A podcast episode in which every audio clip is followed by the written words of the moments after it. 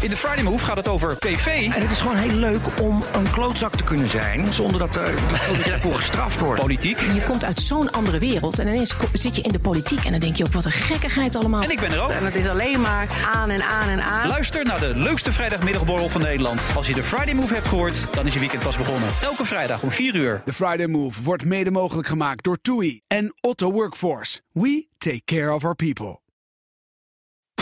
BNR Bouwmeesters wordt mede mogelijk gemaakt door Bouwend Nederland. De bouw maakt het. BNR Nieuwsradio. Bouwmeesters.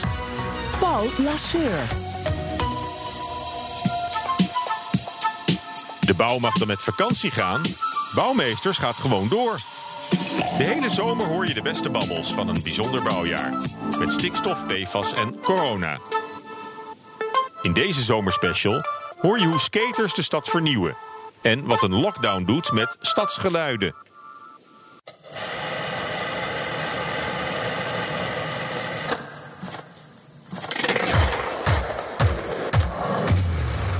Ook in gebiedsontwikkeling blijken skateboarders voor vernieuwing te zorgen.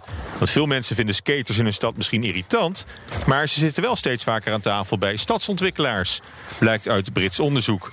Zo zijn ze behalve het behouden van cultureel belangrijke plekken van de stad ook goed in het aantrekken van nieuwe investeringen. En zetten ze zich terloops in voor groepen die anders misschien vergeten worden bij de aanleg of renovatie van stedelijke gebieden. We hebben een gesprek opgenomen met Chris Lawton, zelf skater en sociaal-economisch onderzoeker bij Nottingham Trent University en medeoprichter van maatschappelijk platform Skate Nottingham. Daar hoor je zo meteen delen uit. En in onze studio is Daan Zandbelt, Rijksadviseur voor de fysieke leefomgeving, met wie we de ideeën van Chris bespreken. Hartelijk welkom Daan, goed dat je er bent. Heb je zelf wel eens op een skateboard gestaan eigenlijk? Nou, ik was meer echt een schaatser. Oh, een echt scha- gewoon op ijs? Ja. Oké. Ja, rolschaatsen. Want eh, we gaan het heel veel hebben over, eh, over skateboarders. We gaan om te beginnen luisteren naar onderzoeker Chris, hè, die ik net introduceerde. Hij legt uit hoe hij als skater de stad ervaart. I'm an older skateboarder now, so I'm, I'm, I'm over 40, uh, but I'm still an active street skateboarder. So, um, yeah, I do bring my, my skateboard with me, and um, it has a, a, an interesting attraction to these kind of functional forms that are uninteresting to everyone else. So, street obstacles, street furniture that can become iconic. So, uh, another academic, Paul O'Connor, has written about the quasi religious nature of totally banal forms to skateboarders that we literally make these these quasi-religious pilgrimages to functional objects that may be a set of stairs or a bench that are internationally famous amongst skateboarders. So I drag my wife to various marble or granite ledges in various cities, and then she'll stand next to me while I take photographs of a totally banal street obst- obstacle that is very important to me because someone that I've grown up admiring has done something incredible on that obstacle.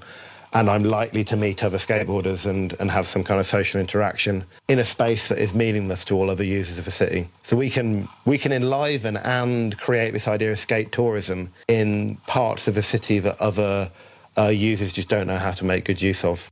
Ja, Chris is een wat oudere skateboarder, zegt hij. Hè? Hij- is al eh, over de 40.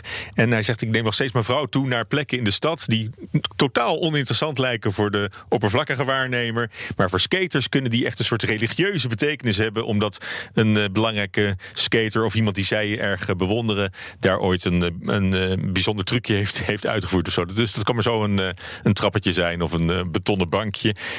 Nou, kan ik me voorstellen, van, hij als skater kijkt op die manier naar de stad. Ik kan me voorstellen, Daan, dat jij als adviseur fysieke leefomgeving ook anders naar de stad kijkt dan, eh, dan de meeste mensen. Herken jij een beetje het beeld wat, eh, wat Chris schetst? Of, of zijn het juist andere dingen in, in de stad die jou eh, aanspreken en in het oog springen? Nee, wat ik wel heel leuk vind aan het verhaal van Chris... is dat dus heel veel mensen, heel veel gebruikers... anders naar de stad kijken. Eh, anders dan dat het bedacht is door de ontwerper... of anders dan dat het bedacht is door de bestuurder. En dat is volgens mij een gezond kenmerk van de stad... dat die zich leent om op heel veel manieren gebruikt te worden. En het leuke aan die skaters is dat ze beetje buiten de lijntjes kleuren. Dus zij houden zich niet aan hoe het ooit bedacht was... maar dat je zo'n eh, zo'n trapleuning kan gebruiken om vanaf te skaten. Dat is toch te gek. Ja, ja. en eh, volgens Chris kunnen skaters dus ook goed voorkomen dat er op een bepaalde plek wordt gesloopt. Omdat die voor hun van, van bijzondere waarde is. En die, wat je misschien als, als ontwikkelaar helemaal niet, uh, niet doorhebt. Of alleen maar denkt van ja, dat is, dat is gewoon hun hangplek. Dan geven ze gewoon een nieuwe plek. Maar er is een bekend voorbeeld in Londen, hè, de Undercroft. Dat is het gedeelte onder het cultureel centrum South Bank Center. En dat is na jarenlang actievoeren behouden gebleven voor, voor skaters. Daarover horen we straks meer in, in de Bouwexpo. Chris heeft ook een specifiek voorbeeld uit eigen stad, hè, Nottingham. Waar de skaters helaas niet konden voorkomen dat hun geliefde plek, de Broadmarsh Banks, werden gesloopt. Daar staat nu een groot winkelcentrum. Luister even mee hoe dat proces verliep. The Broadmarsh Banks were demolished and have since become you know, totally useless space. They've become quite dangerous. Uh, there's no longer the, the Jane Jacobs eyes on the street that the skateboarders provided.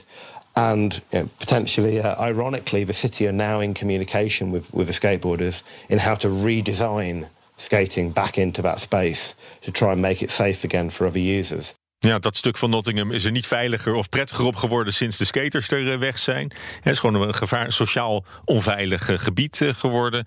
En eigenlijk wordt er nu ironisch genoeg weer met skaters gepraat om te zeggen van nou zouden we dat weer kunnen, kunnen terugbrengen om de stad weer veiliger te maken. Zit jij ook vaak met subculturen om, om de tafel om, om na te denken over hoe, hoe de stad eruit moet gaan zien? Nou, je ziet in ieder geval dat dat soort groepen een enorm belangrijke rol kunnen vervullen om zo'n gebied weer vitaal te maken. Dus in plannen in mijn praktijk, dus buiten het uh, college van Rijksadviseurs, maar met mijn bureau, uh, maken we ook van dat uh, soort actiegroepen gebruik of dat soort burgerinitiatieven. Hm. Het leuke is aan skateboarders. Ja, heb, je, heb je daar voorbeelden van? Ik kan me ook voorstellen dat uh, hondenbezitters bijvoorbeeld. Hè? Want met mijn uh, gemeente heb ik ook wel eens een briefje van in de bus gekregen, want ik betaal hondenbelasting. En zeggen we zien dat u een hond heeft, die zult u s'avonds ook vaak uitlaten. Nou, als u eens iets gek ziet in de buurt, wilt u ons dan bellen. Ja, dus dan, ja. dan zet je de, de, de bevolking in, in, in dit geval de hondenbezitters, om een beetje mee te werken om de, om de leefomgeving wat veiliger te maken. Maar, maar, maar, maar dat soort, dat soort voorbeelden? Ja, bijvoorbeeld ook um, bijvoorbeeld mountainbikers lijken wel een beetje op, uh, op skaters misschien, maar die, um, ja, die crossen vaak door bossen en zo. En daar vindt Staatsbosbeheer en uh, natuurorganisaties vinden dat maar zo-zo. Maar sinds zij een adaptatieprogramma hebben gestart... dat mountainbikers moeten betalen om op de Utrechtse Heuvelrug te fietsen... Uh, en ook meehelpen met het onderhoud... hebben ze ontdekt dat dat heel, heel erg een alliantiepartner kan zijn... in het ontwikkelen van dezelfde kwaliteiten en dezelfde natuurkwaliteit... die zowel de natuurgroepen als de mountainbikers waarderen. Ja, ja. en in hoeverre gaat dit nou verder, hè, met, met die skaters bijvoorbeeld... dan het aanleggen van een, van een hangplek voor jongeren in de stad bij het ontwerpen -hmm. van een wijk. Of, uh, of zorgen dat er een kooi is met een kruifkoord of, of een basketbalveldje. Skaters zijn anders, hè? Ja, ik zou eigenlijk nog wel een stap verder willen gaan. In mijn ogen hebben skaters wel bewezen dat ze een soort pokon voor de stad kunnen zijn. Dus zij weten allerlei gebieden die verwaarloosd zijn en sleets, uh, oud, uh, van nieuw elan te voorzien. Doordat zij die plek herontdekken, opnieuw elan geven, zorgen dat er leuke dingen gebeuren, dat mensen er met hele andere ogen naar gaan kijken. En op die manier is het een plek die misschien daarna wel tot een hele andere herontwikkeling uh, kan komen. Zie je bijvoorbeeld hier in Amsterdam. De Oostelijke Handelskade is ooit sexy geworden met, met die skatergroep. En uh, nu hebben ze dat de afgelopen jaren uh, op NDSM-terrein gedaan.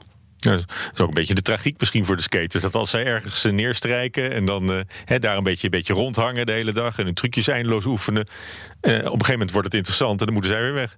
Ja, dat is, dat is wel deels de tragiek. Hangt ook een beetje ervan af. Hè. Vaak is het ook een generatie. Dus als het 10, 15 jaar lang zo'n succesvolle plek uh, uh, is... dan is het misschien ook niet zo erg dat de volgende generatie een nieuwe plek uh, kan vinden. Maar het is tegelijkertijd ook zo dat dat dat die sfeer die er gecreëerd is, die wil je misschien ook wel vasthouden in zo'n gebied. En dat lukt nog maar heel erg zelden. Daar zijn we ook als stedenbouwkundigen wel op zoek naar hoe dat kan. Hoe je openbare ruimte, maar ook uh, in plinten met leuke koffietentjes of uh, andere mm. feesttenten. Uh, hoe, je kan, hoe je kan kijken dat die niet commercieel de vermarkte ruimtes, dat die toch uh, een bijdrage kunnen leveren. Bijvoorbeeld door ze tegen gereduceerd tarief uh, te behouden. Ja, maar goed, we hebben het dan niet over voor die skaters bijvoorbeeld om een skatepark aan te leggen. Nou, met, een hek, met, een hek, eromheen en een, en een halfpipe. Ja, dat zou absoluut een onderdeel daarvan kunnen zijn. Kan wel zo comfortabel mm. worden dat ze het dan niet meer sexy vinden of dat ze het dan niet meer leuk vinden. Maar dat, dat kan absoluut. Ja. Dat zie je ook op heel veel plekken. Uh, dat het ook helemaal mainstream is geworden. Dus in Rotterdam heeft uh, het skaten 20 jaar geleden een plek gekregen midden op de Westblaak. En is dat een heel populair park geworden midden tussen het verkeer. Je ziet dat stationsgebieden ermee geactiveerd worden. Dus dat, ja, dus niet, uh, niet alleen door de skaters zelf, maar ook uh, door de overheid mede gesteund. Luister nog even naar Chris, die vertelt hoe het skaters intussen heel goed gelukt is om aan tafel te komen bij stadsontwikkelaars. skateboarders all over the world have been quite good at getting around the table, sort of turning that negative into a positive and becoming part of the consultation discussion and recognizing that consultation, particularly in the UK, I, I don't know about, about Holland, is often done quite poorly and, as you say, uh, often fails to be meaningful, genuine consultation. is often something that's done to us rather than with us. So because skateboarders are something that um, planners often think, how are we going to deal with this problem of skateboarding? It becomes a wedge to open up a wider consultation and bring more users into it. So we're offering to the city to do their consultation for them and, and are, are committing to them that that consultation will be wide ranging and inclusive because our interest as skateboarders, we want healthy street life. We want that milieu that we can be part of rather than being pushed away in a skate park on the periphery of a city where we don't get to mix with anyone else. Ja, wat hij eigenlijk zegt is uh, subgroepen zoals uh, skaters... die zijn een soort uh, voet tussen de deur. Ook voor andere groepen die zouden kunnen meepraten over, over stadsontwikkeling. als we het hebben over Panorama Nederland... Hè, jullie plannen over hoe Nederland er in 2050 uit moet komen te zien. Pra praten jullie daarvoor ook met subgroepen? Want je vertelde dat jullie dat met jullie bureau wel doen. Dat over hoe, hoe een gebied eruit moet komen te zien. Nou, niet, niet specifiek met uh, één bewuste doelgroep, maar juist wel met heel veel verschillende soorten doelgroepen. En ik denk dat dat wel een beetje symbool staat voor hoe overheden moeten veranderen in hun planvorming. Hè. Dus heel veel overheden waren toch gewend om te zeggen hoe het moest. En nou moeten ze opeens uh, ook luisteren naar anderen en moeten ze openstaan voor die ideeën. En dat is best wel wennen. En dat maakt eigenlijk niet zo heel veel uit of dat nou uh, een club skaters is, of het is een, of het is een, een, een, natuurorganisatie, of het is een andere burgerclub. Het is fijn dat deze gemeenschappen zich verenigen en mondig worden. Hartelijk dank voor dit gesprek. Daan Zandbelt, Rijksadviseur voor de fysieke leefomgeving. En natuurlijk onderzoeker Chris Lawton van Nottingham Trent University. BNR Nieuwsradio. Bouwmeesters. Paul Lasseur. Zometeen praten we verder over hoe geluiden van een stad veranderen door een lockdown. En is dat eigenlijk erg? Maar eerst. BNR Bouwexpo. Redacteur Judith Lane met de Bouwexpo. Hoi Paul. En Judith, jij hebt met Chris eh, gebeld. Eh, wat is het meest sprekende voorbeeld van skaters die een plek weten te behouden? Nou ja, dat eh, had je zelf net ook al even over. Maar daar begon hij tegen mij in ieder geval zijn verhaal ook mee. En ik denk dat toch wel veel mensen dat misschien wel weten. Zeker de mensen die in Londen geweest zijn. Want het gaat dus over de Undercroft. Dat is het gebied onder het South Bank Center. En dat South Bank Center is een verzameling van gebouwen die in de jaren 60 zijn gebouwd. Uh, en die vormen dus een cultureel centrum. Er zitten allemaal concertzalen, theaterzalen. Uh, die stijl is brutalisme. Dat is ook weer hele specifieke mm. architectuurstijl. Uh, heel groot en bonkig en zo. En dat heb je ook veel in het Oostblok. En daar wordt dus al sinds die tijd, sinds dat daar staat, dus de jaren 60, geskate. En ehm, dat cultureel centrum had dus plannen om dat gedeelte daaronder op te vullen met commercieel vastgoed. Dus winkeltjes en zo. Maar er heeft een actiegroep sinds april 2013 actief campagne campagne tegen gevoerd. En die heette de Long Live South Bank. Uh, en die was dus mega succesvol, vertelde uh, Chris tegen mij. But it was a really interesting campaign. They utilized the heritage of a space. The idea that this space was created by, um, by radical architects, um, the Arch Archigram group, with um, these really utopian ideas of how, of how the space could be used. So the skateboarders became the custodians of the heritage of the South Bank Centre uh, when the the cultural institution was less interested about both the heritage of the site and also the fact that it was being used by young people. Ja, dus uh, wat ze nou hadden gedaan, ze hadden de tafeltjes neergezet voor een handtekeningenactie. Uh, en Christy zei heel mooi: Come rain or shine echt toeten bekend Londen kwam langs om die petitie te ondertekenen. Waaronder bijvoorbeeld Tom York van Radiohead. Een hele bekende muzikant. Ehm, en uh, het werd, uiteindelijk hebben ze dus uh, het hoogste aantal handtekeningen behaald uh, ooit in het Verenigd Koninkrijk om een stadsproject tegen te houden. en ruim een jaar later, in 2014, werden die plannen dus weer ingetrokken. Ja, en nu is het weer, uh, weer open? Of hoe, hoe ziet het eruit? Sinds uh, ergens halverwege vorig jaar, augustus 2019, zeg ik uit mijn hoofd, is het weer open. En dat ontwerp is gedaan door Fielden Clegg Bradley Studios. En die hebben dus zoveel mogelijk geprobeerd rekening te houden met het originele ontwerp. Um, want uh, ik zei net al, het is dus een ruimte onder uh, dat cultureel centrum. Dan moet je je voorstellen, uh, ja, het is gewoon, uh, het steunt op palen. En die palen lijken een beetje op betonnen paddenstoelen. Um, een soort columns met een soort dopje erop. Mm. Um, nou ja, en daaronder, dus ja, het, soort, het lijkt een beetje op een verdieping van een parkeergarage. En overal zit er natuurlijk graffiti. En ze hebben dus heel veel van de originele skateboard-attributen die er zijn hergebruikt of gerestaureerd. Dan moet je aan houten balken denken die die skaters dus als, als rand gebruikt om vanaf te skaten. of enorme betonnen blokken die je normaal wel uh, op de weg ziet als er een weg is afgesloten. Die staan daar dus ook.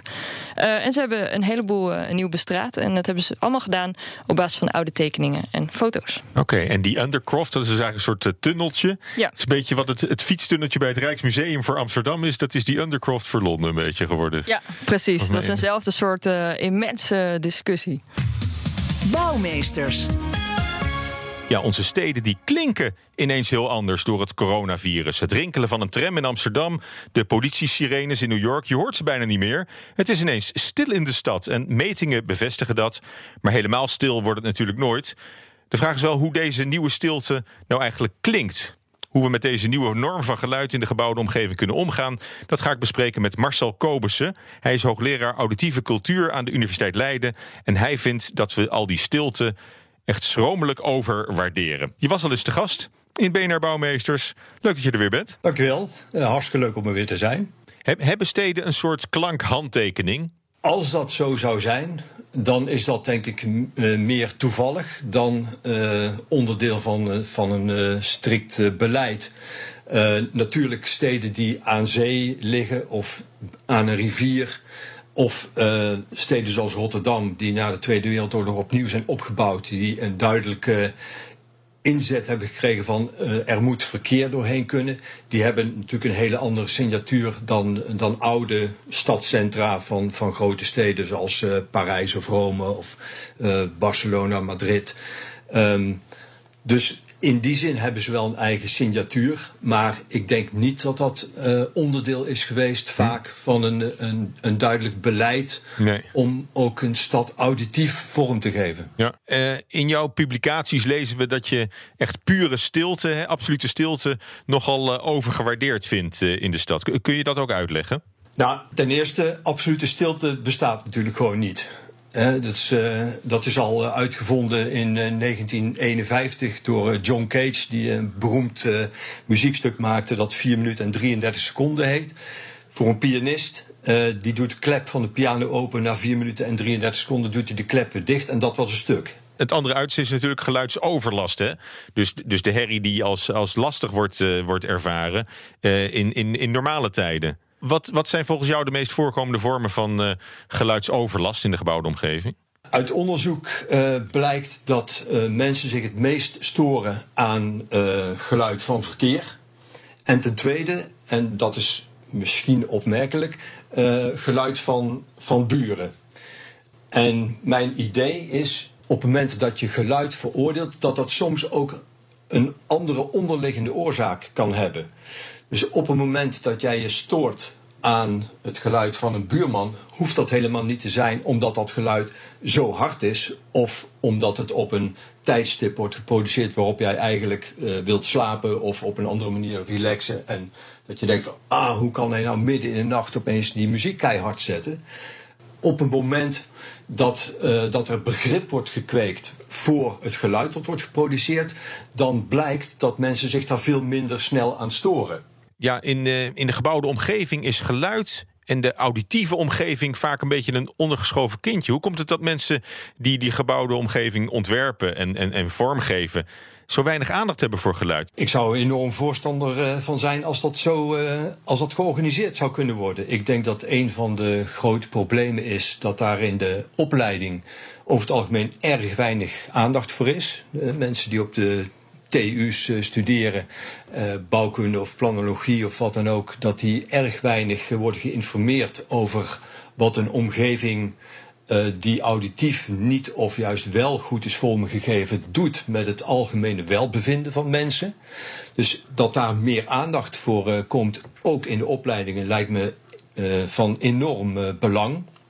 Het tweede is dat het probleem een deel van het probleem is als er dan aandacht aan geluid wordt gegeven, dan is het altijd negatieve aandacht. Het gaat altijd over het onderdrukken van geluid. Hè, alsof geluid per definitie iets negatiefs is. Of het is een acceptatie van, nou ja, er is nu eenmaal geluid en daar kunnen wij heel weinig aan doen. Um, dus, en als er iets aan wordt gedaan, dan zijn het eigenlijk alleen maar metingen uh, die voornamelijk gebaseerd zijn op decibels. Om te kijken of uh, bepaalde geluiden zachter gemaakt kunnen worden. Terwijl er natuurlijk ook legio tamelijk zachte geluiden zijn die wel enorm irritant kunnen zijn omdat bijvoorbeeld zich op een bepaald frequentieniveau bevinden waar mensen zich enorm aan kunnen storen. Dus ik denk dat er een, een wereld te winnen is. Alleen misschien hoeft dat niet per se te gebeuren door uh, mensen die uh, als architect of planoloog of hmm. uh, stedenbouwkundige zijn opgeleid. Ja, Marcel, ook... wordt, jou, wordt jouw hulp wel eens ingeroepen bij het, bij het herinrichten van, van projecten of, of wijken of op auditief gebied? Ik word ik word soms gevraagd om, om inderdaad advies uit te brengen hoe dat bepaalde omgevingen beter auditief vormgegeven kunnen worden. Het nadeel is vaak dat dat pas in een laat stadium gebeurt. Dus eigenlijk is het ontwerp al klaar. En dan wordt er nog gekeken van, oh ja, misschien moeten we ook nog rekening houden met het auditieve element.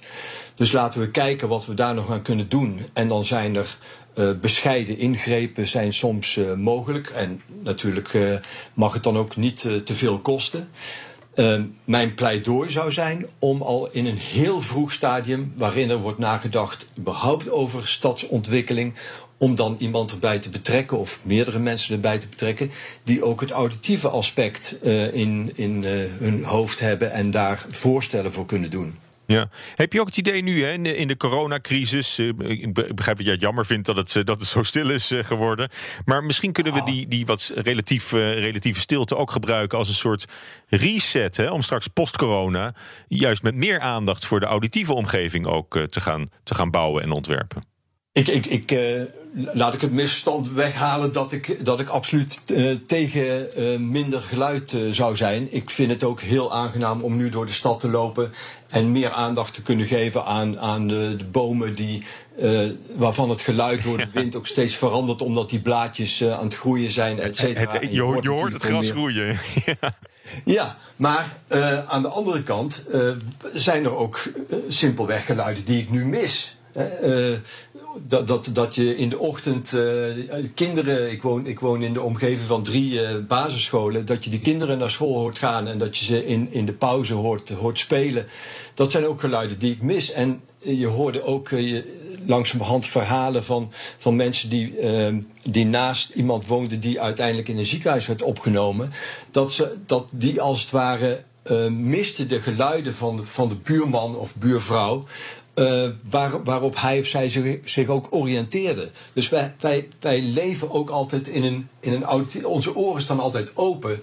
En betekent ook dat we ons richten naar geluiden die, die zich aandienen en mm. waar wij vertrouwd mee zijn. En op het moment dat die vertrouwdheid wegvalt, dan kan dat voor sommige mensen kan dat ook enorm problematisch zijn. Dus mm. in dat opzicht wil ik zeggen van kijk, de stilte die er nu is, de relatieve stilte die er nu is, is niet alleen maar uh, een voordeel, maar heeft, brengt ook uh, zijn eigen problemen met zich mee. Het maakt ons misschien wel bewust van onze uh, auditieve omgeving.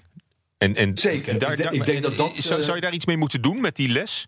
Ik, ik, denk dat dat een, een, een, enorme winst is. En je, en je ziet ook de oproepen die worden gedaan door heel veel uh, mensen om opnames te maken, nu auditieve opnames te maken en die te delen met mensen waarin ze zich als het ware meer luisteren naar hun omgeving dan dat ze misschien ooit gedaan hebben. En eigenlijk worden we daar ook mee geconfronteerd. Dat we opeens denken van, oh maar het is ook auditief allemaal veranderd.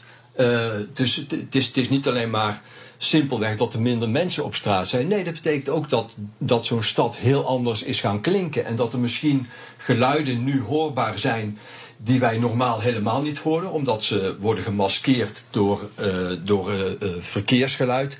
En dat we denken, ja, maar eigenlijk zou het prachtig zijn als we die altijd zouden kunnen horen. En dan hoeven we dat verkeer niet af te schaffen. Maar het betekent wel dat als je bepaalde ruimtes anders inricht, dat beide geluiden hoorbaar zouden kunnen zijn. Eh, tot slot, eh, heel kort, eh, Marcel. Wat kunnen we nu meenemen uit deze stillere tijd en deze stillere geluidservaring uit de coronacrisis naar de wereld die, die we straks weer gaan vormgeven? Ik denk het allerbelangrijkste is, en, en dat, dat merk je overal, dat mensen zich bewust zijn van wat, wat, er, wat er auditief is veranderd. iedereen praat er wel over van, ik hoor opeens hele andere dingen. En ehm, ik denk dat dat een, grote stap kan zijn. Dus die bewustwording dat, dat die auditieve omgeving belangrijk is, dat, dat, dat daar dingen in veranderen. Uh, op, op het moment dat er, iets, uh, dat, dat er zoiets als deze crisis uh, plaatsvindt. Ik hoop dat dat een stap is op weg naar dat mensen zich veel meer bewust zijn dat, uh, wat die auditieve omgeving met hen doet. En ten tweede, dat ze daar ook wel degelijk invloed op hebben. Dat je niet simpelweg hoeft te accepteren van ja, het klinkt nu eenmaal zo, ik kan daar verder niks aan doen. Nee, maar dat er wel degelijk stappen gezet kunnen worden om uh, die auditieve omgeving van steden en, en ook van platteland overigens, uh, om die betere vorm te geven dan wat dat nu gebeurt. Hartelijk dank voor dit gesprek. Marcel Kobussen, hoogleraar auditieve cultuur aan de Universiteit Leiden. Volgende week hoor je in de zomerspecial van Bouwmeesters alles over grote bouwprojecten, zoals het omstreden Zuidasdok in Amsterdam en de bouw van het nieuwe depot van Museum Boymans in Rotterdam. Deze uitzending kun je terugluisteren als podcast via de BNR-app, website en andere kanalen. Tot volgende week. BNR Bouwmeesters wordt mede mogelijk gemaakt door Bouwend Nederland. De bouw maakt het. Je hebt aardig wat vermogen opgebouwd. En daar zit je dan, met je ton op de bank. Wel een beetje saai, hè? Wil jij, als belegger, onderdeel zijn van het verleden of van de toekomst? Bridgefund is een slimme fintech die een brug slaat tussen de financiële behoeften van ondernemers en van beleggers. Dus wie belegt bij Bridgefund krijgt niet alleen een mooie vaste rente, maar brengt ook ondernemers in beweging. Echt waar, met die ton kan je zoveel betere dingen doen. Bridgefund. Make money smile.